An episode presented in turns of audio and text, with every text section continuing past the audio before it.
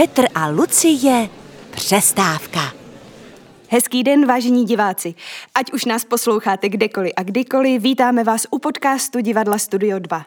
Zjeviště ovšem od mikrofonu vás zdraví Petr Pěknic. a Lucie Pernetová. Kromě soutěže a typů od našich kolegů si dnes budeme povídat s naší milou kolegyní a mojí kamarádkou. Je to žena, maminka, kuchařka, moderátorka, zpěvačka, herečka, duše spontánní a otevřená, je to Monika Absolonová. Na scénu. Ahoj Moňo. Ahoj, já vás oba srdečně zdravím a moc děkuji za pozvání. My děkujeme, že jsi přišla. My jsme moc rádi, že jsi přišla. Děkujeme a taky se těšíme na povídání s tebou, že jo? Ano, Petr tvrdil, že není potřeba připravovat mnoho otázek, že jsi člověk velice sdílný. Tak se chci zeptat, jestli máš některé dny, dny, kdy tomu tak není, jestli se tedy máme něčeho obávat, nebo... E, já si myslím, že mám dny, kdy tomu tak není, ale, e, ale to většinou mám jako v soukromí, že prostě jsou dny, kdy nepotřebuju až tak jako komunikovat. A je to podle různý životní situace, co se to člověku zrovna odehrává, ale nebojte, jako jsem profesionál, takže s váma si opravdu ráda budu povídat. Tak na rozjezd tady máme připraveno pár uh, otázek, takové tradičně připravené otázky, na které můžeš odpovídat pohým výběrem. Ano. No? Sleduj, Luci. Lacláče nebo pyžamo? Obojí. Open air nebo sál? Obojí. Srdce nebo intelekt? Srdce. Neřesti nebo ctnosti? Uh, no, v takový nějaký uh, vyvážený kombinaci. Vesnická tancovačka nebo ples v opeře? A vesnická tancovačka i ples opeře. Plavání nebo běh? tak běh. Mhm. Pochvala nebo připomínka? Uh, připomínka. Roman Zach nebo Filip Blažek? Ty čůzo! To jsou naši posluchači, jak Roman, tak Filip. No oba. Oba. No tak to je, Oba. to je opravdu klobouček dolů. to jo. Větrník nebo salát? No větrník. Dva větrníky. Já doplním, klidně jo. i tři. Pavouk nebo had? Ani jedno. Nikdy. Střelec nebo ryba? Fíha. Jako znamení. Mhm. Mhm. Asi střelec. Slyšíš, Petře? No, Luca je totiž střelec, samozřejmě. A ty jsi ryba. Já jsem ryba, teď já jsem mlčenlivá ryba. To Ty jsi tady- mlčenlivá ryba, to se nějak spletli. Takové lítající ryba, tak může být i ryba, co občas něco řekne, že jo? Občas. Občas. A ještě já jsem tady, pardon. Ano. Ondra Hájek nebo Boom Band? Obojí. A protože Ondra Hájek je součástí Bumbendu, takže já jako Ondra Hájek vlastně jako forever. Dobře. A já mám ještě takový soukromý dotaz. Ptej se. Protože Monika ráda hubne, jo. Nebo možná i ráda přibírá. Esko nebo Elko? No Esko. A jsme doma. Moni, my se tě nezeptáme na tvůj vztah k herecké šatně, ale u tebe je zajímavá ta cesta z herecké šatny na jeviště. Ty během té cesty dokážeš udělat neskutečné množství věcí pro to, aby se potom představení nebo koncert vyvedl.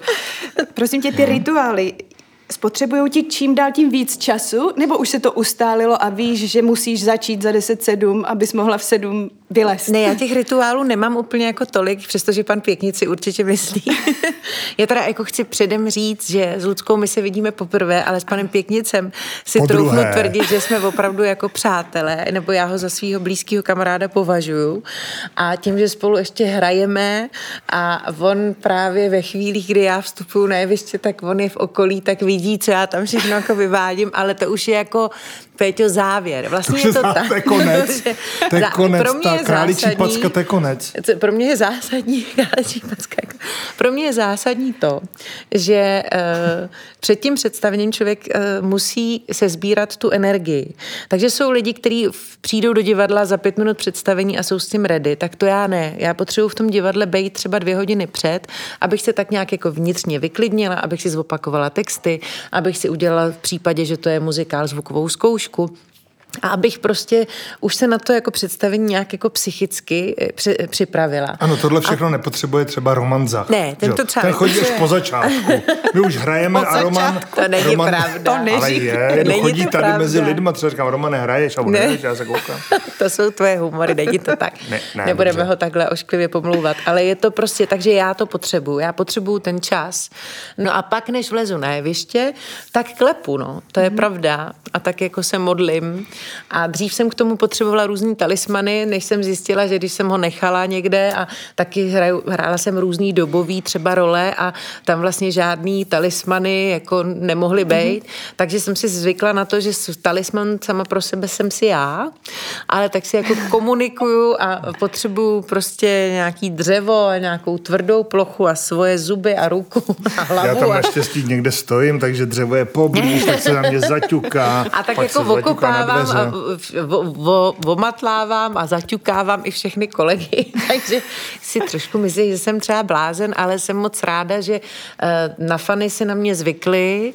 Eh, Na Evitě vlastně jsem to dělala sama, tam jsem vstupovala na jeviště sama a při duetech jsem s Filipem Blaškem a Filous, přestože eh, vlastně je to takový jako chlapák a všechno, tak v tomhle jsme si hodně podobní, takže než začne to představení, tak tam stojí dva úplný blázni, kteří se jako klepou a navzájem na všechno ťukají ťukaj a furt se jako podporujou.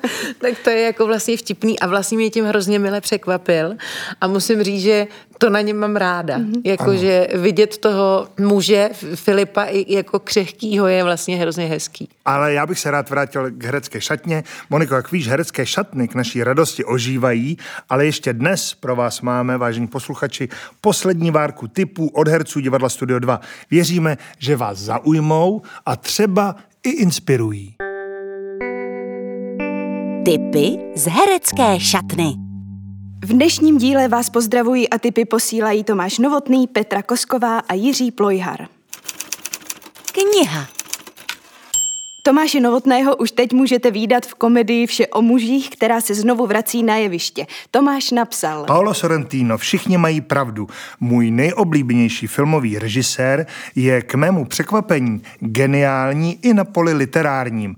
Neuvěřitelné, co ten člověk všechno umí. Vřele doporučuji všem mužům od 35 výš, ženám jakéhokoliv věku, doporučuji, aby čtení tohoto kusu raději dobře zvážili. Místo. Můj tip na výlet bude Josefův důl v Libereckém kraji a vodní nádrž Josefův důl.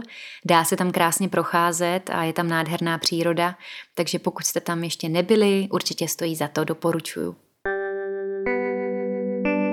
Recept. Vůbec jsem nedoufala, že by nám Jirka Plojhar poslal tip na jídlo, ale poslal a je to poměrně neobvyklý recept, který by tě, Moniko, mohl zaujmout. Mm-hmm. Tohle jsou Jiřího slova. Jiří napsal. Zkrátka, zajdeš do kafe Savoy, zakoupíš výborný zdejší chléb, taktéž s názvem Savoy. Pak musíš do Lidlu pro paštiku značky Pikok. Mandlovou, jinou ne, mandlová je nejlepší. Přijdeš domů, jemně rozetřeš paštiku na chleba a posypíš jarní cibulkou a přikusuješ česnek český, nejlépe bio. V žádném případě nesmíš použít česnek čínský. Nejde o politiku, ale ten čínský není vůbec chutný. Tato výborná pochutina ovšem není vhodná před představením nebo odchodem do společnosti, takže pro dnešní dobu naprosto ideální pokrm. A ještě tip na jeden dezert, probudíš se v noci hladem a máš chuť na něco sladkého. Ve špajzu najdeš oříškovou tatranku, kterou důsledně rozmačkáš v jahodovém jogurtu. Naprosto vynikající. Přehledně si tipy můžete prohlédnout na webových stránkách divadla Studio 2. Na scénu. Dnes s Monikou Absolonovou. Moňo Milan Kundera, česko-francouzský, ovšem celosvětově uznávaný esejista a prozaik, napsal.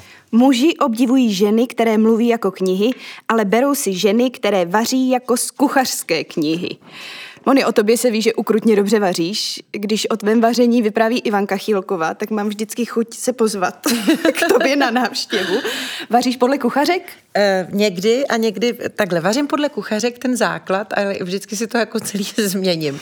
Ale je dobrý vědět, eh, že někdo šikovný už to uvařil a jak. A m, mm, pak já si to tak jako mm, přijmu za vlastní a trošku si to jako dodělám, ten recept. A nechystáš nějakou svoji kuchařku napsat?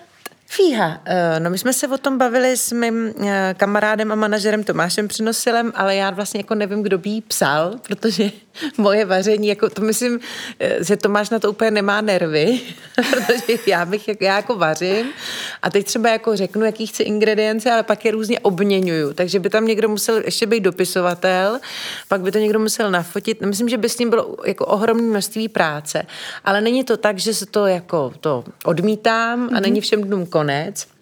A možná by se mohlo někdy v budoucnosti stát, že dorekonstruju chalupu pro sebe a pro kluky a že bych třeba to jednou dělala tam. Tam? Jako, že si bych si dala Aha. léto, že bych vám přenosil, se obětoval a měl tam možnost si chodit na výlety a občas se mnou vařit a dokonce bych, myslím, pozval i nějaký kamarády, který by to fotili. Třeba pana Pěknice. Výborný fotograf jídla. Jsem jídlo ještě nefotil v životě. Ty teď vaříš přes Instagram. Ano. Co, kdo pak jí to jídlo? No to se sní. Jako rodina to No sní. jasně, rodina to spořádá, Tomáš, Tomáš přenosil si veme domů. No. To prostě se jako sní úplně jednoduše. To naopak to není vůbec jako problém. To není problém. Mm-mm. A jaké to je? Vní, jako vnímáš nějakou interakci s těmi, kdo se na to dívají? No je to jako hrozně zvláštní, zvláštní, protože já jsem byla oslovená jedním potravinovým řetězcem, ale už v roce 2019, to znamená v době, kdy nebyl žádný covid a nikdo jsme jako nic nevěděli, jestli bych jsem s nima nějak nespolupracovala přes sociální sítě a já jsem se přiznám, že jsem si to moc neuměla jako představit a tak jsem jako nevěděla, i když ten řetězec mi byl velmi sympatický, protože tam chodím nakupovat, takže si říká, jo, jako to je bezvadný, to beru, ale nevím jako jak. A nakonec jsme se vlastně po tři čtvrtě roce domluvili, že zkusíme to vaření, že to je tak jako, že já jsem nechtěla dělat, ne, já jsem se nechtěla tlačit do něčeho, co nejsem a, a nejsem úplně typ, abych někoho obelhávala, to by, nebo abych dělala něco, co mi není příjemný. A já jsem říkala, já vařím, tak můžu vařit z vašich surovin, u mě doma. Uh-huh. A vlastně to tak jako vzniklo a začali jsme vařit každý úterý a bylo to jako neuvěřitelný, zřejmě k tomu přispěla i ta korona, že to mělo vlastně jako ohromnou sledovanost a třeba za ten týden to vidí úplně v pohodě 100 tisíc lidí, což je jako neuvěřitelný. V životě by mě nenapadlo, že na moje vaření doma z kuchyně se bude koukat tolik lidí, ale že mi budou psát jako i kuchaři, mm-hmm. že jako vařím dobře, tak to, to mě jako hrozně těší. Moně, takovým leitmotivem našeho podcastu jsou knížky, takže já bych se vrátil od vaření nebo dostal od vaření zpátky ke knihám. Čteš eh, svým klukům něco? Ano, čtu k svým klukům. A nebo taky mě teď hodně začaly bavit audio knihy, protože oni, eh, já něco čtu a oni u toho strašně zlobí, protože když je rozsvíceno, že jo, tak když to, když pustíme něco jako audio, tak může být tma mm-hmm. a mě to jako taky blaží a většinou je to krásně jako načtený, tak to je jako fajn. Ale čtu svým klukům a sama jsem nečetla už hroznou dobu, ale chystám se na to. A co máš tak v Merku? No já už tam mám jako dlouho mnoho knih a, a mám tam Patrika Hartla, tu jeho poslední, tu jsem ještě prostě nezačala číst.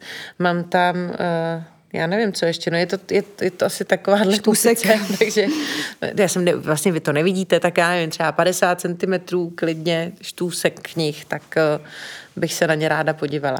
Já jsem pochopila, že ty máš moc hezký vztah s maminkou. Ano. A když ty jsi byla malá, tak ti četla maminka?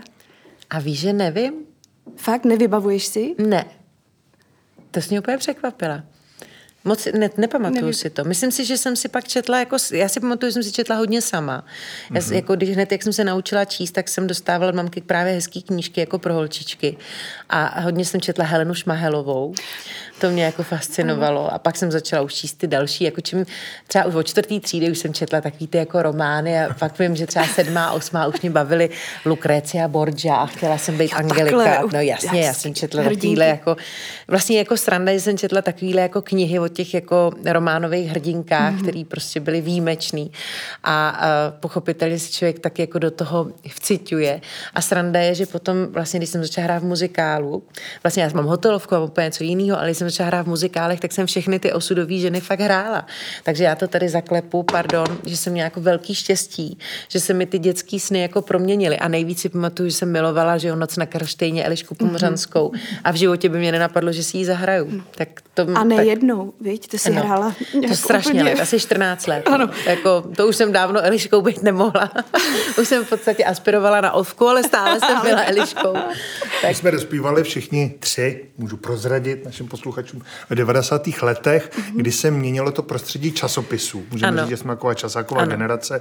Tak uh, to si zaregistrovala, četla si třeba Bravo nebo no, Samozřejmě, dívku. ale hlavně dívku, ale dívku. Já, ty si musíš, Peťa, neuvědomit, že já jsem byla dívka časopisu. Dívka. Já jsem byla dívka časopisu dívka, protože to bylo ve stejné době, kdy ten časopis jel, tak já jsem začínala zpívat, takže já jsem s nimi spolupracovala, zpívala jsem na jejich akcích a byla jsem jako dívka časopisu dívka, to já jsem tím byla podporována. Aha, takže no, jako... tak to mi uniklo, to se omlouvám, protože já, já jsem v té době... nečet, no.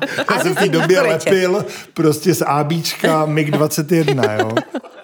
Moni, ty jsi pravidelný účastník eh, onlineu Večery s hádankou, nebo ano, byla si, protože ano. online teď eh, už naštěstí šli na chvilku Končí. spát.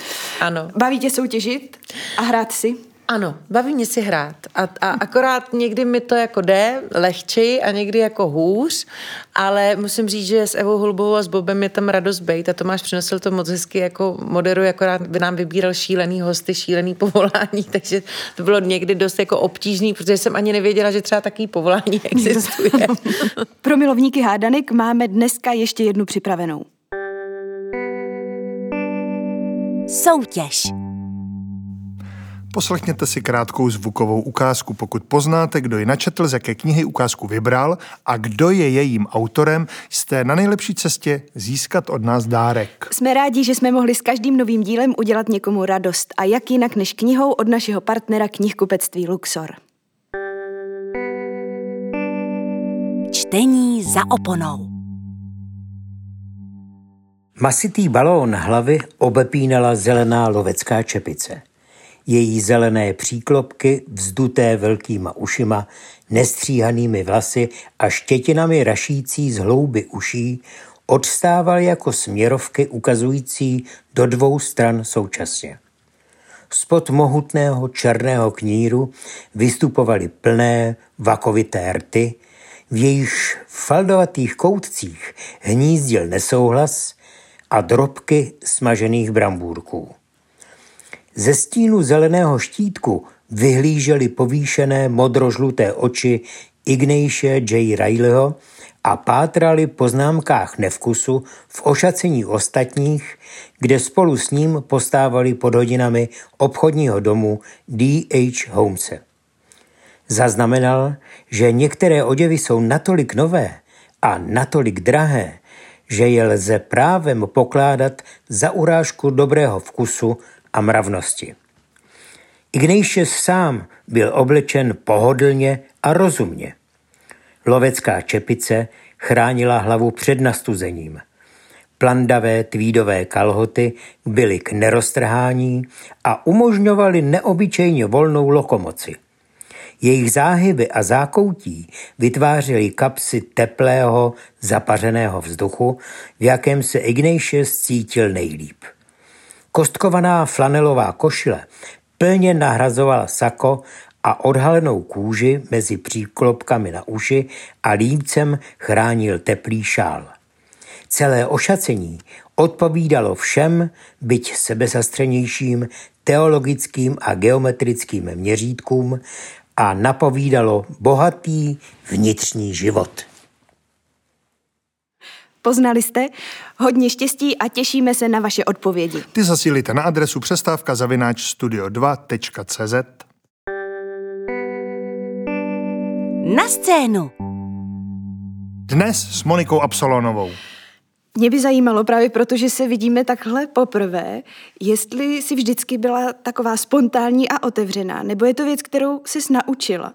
Ne, to, Ne, to bohužel jsi... tohle je moje přirozenost. Bohu dík, ne? Bohu dík. No já to úplně nevím, člověče, jestli to je vždycky výhra a právě jak já jako mluvím z patra a vůbec nad tím nepřemýšlím, tak já skončím nějaký rozhovor a pak říkám, Ježíš Maria, co jsem vlastně říkala? Ty jsi v roce 2016 vydala desku Až do nebes a už loni se tak prosplíchalo, že bude další a česká deska a že se to chystá a čeští no. autoři a že už si i něco naspívala. Tak 2021, kde to je?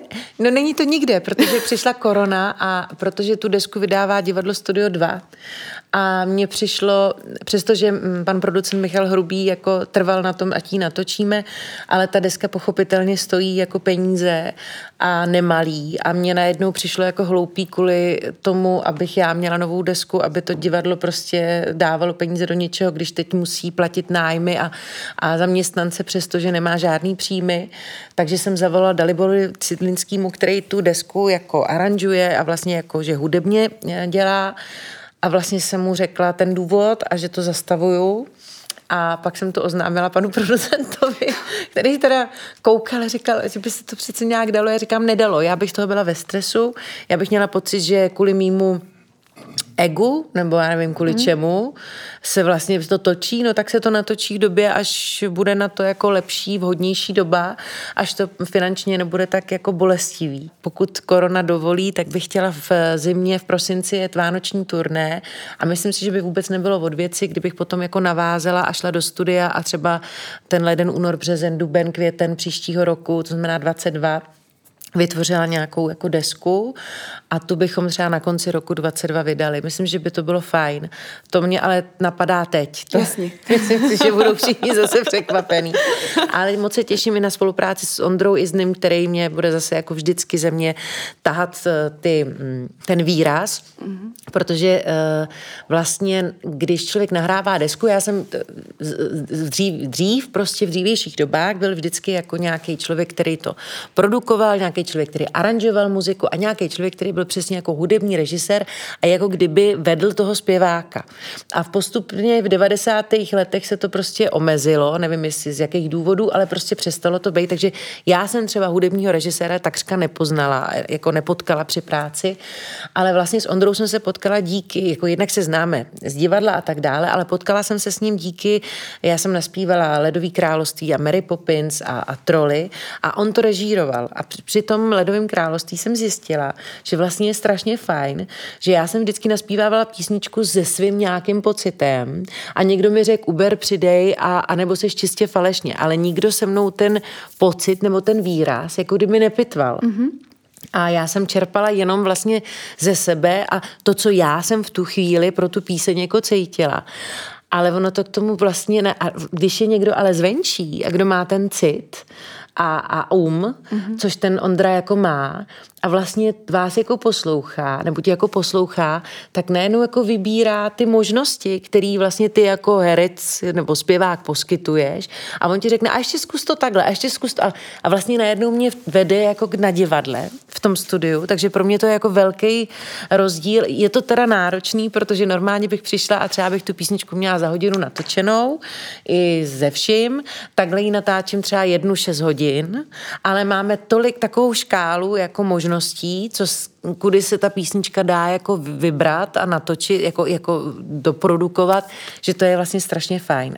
Ty sama si říkala, že jsi si k hrdinkám, jako je Marie Antoaneta, Kleopatra, našla vztah už vlastně přes čtení v pubertě.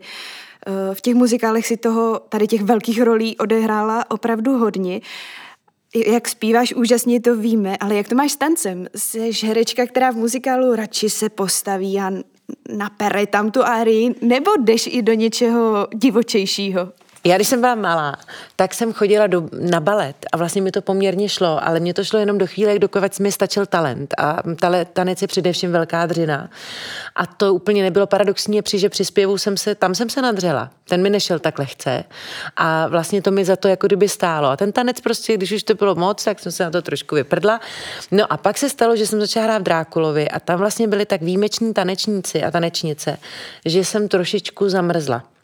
Že jsem se vlastně začala stydět, začala jsem jí mendráky a nechtěla, byla jsem přesvědčena o tom, že já jako opravdu tančit jako nebudu a nemůžu.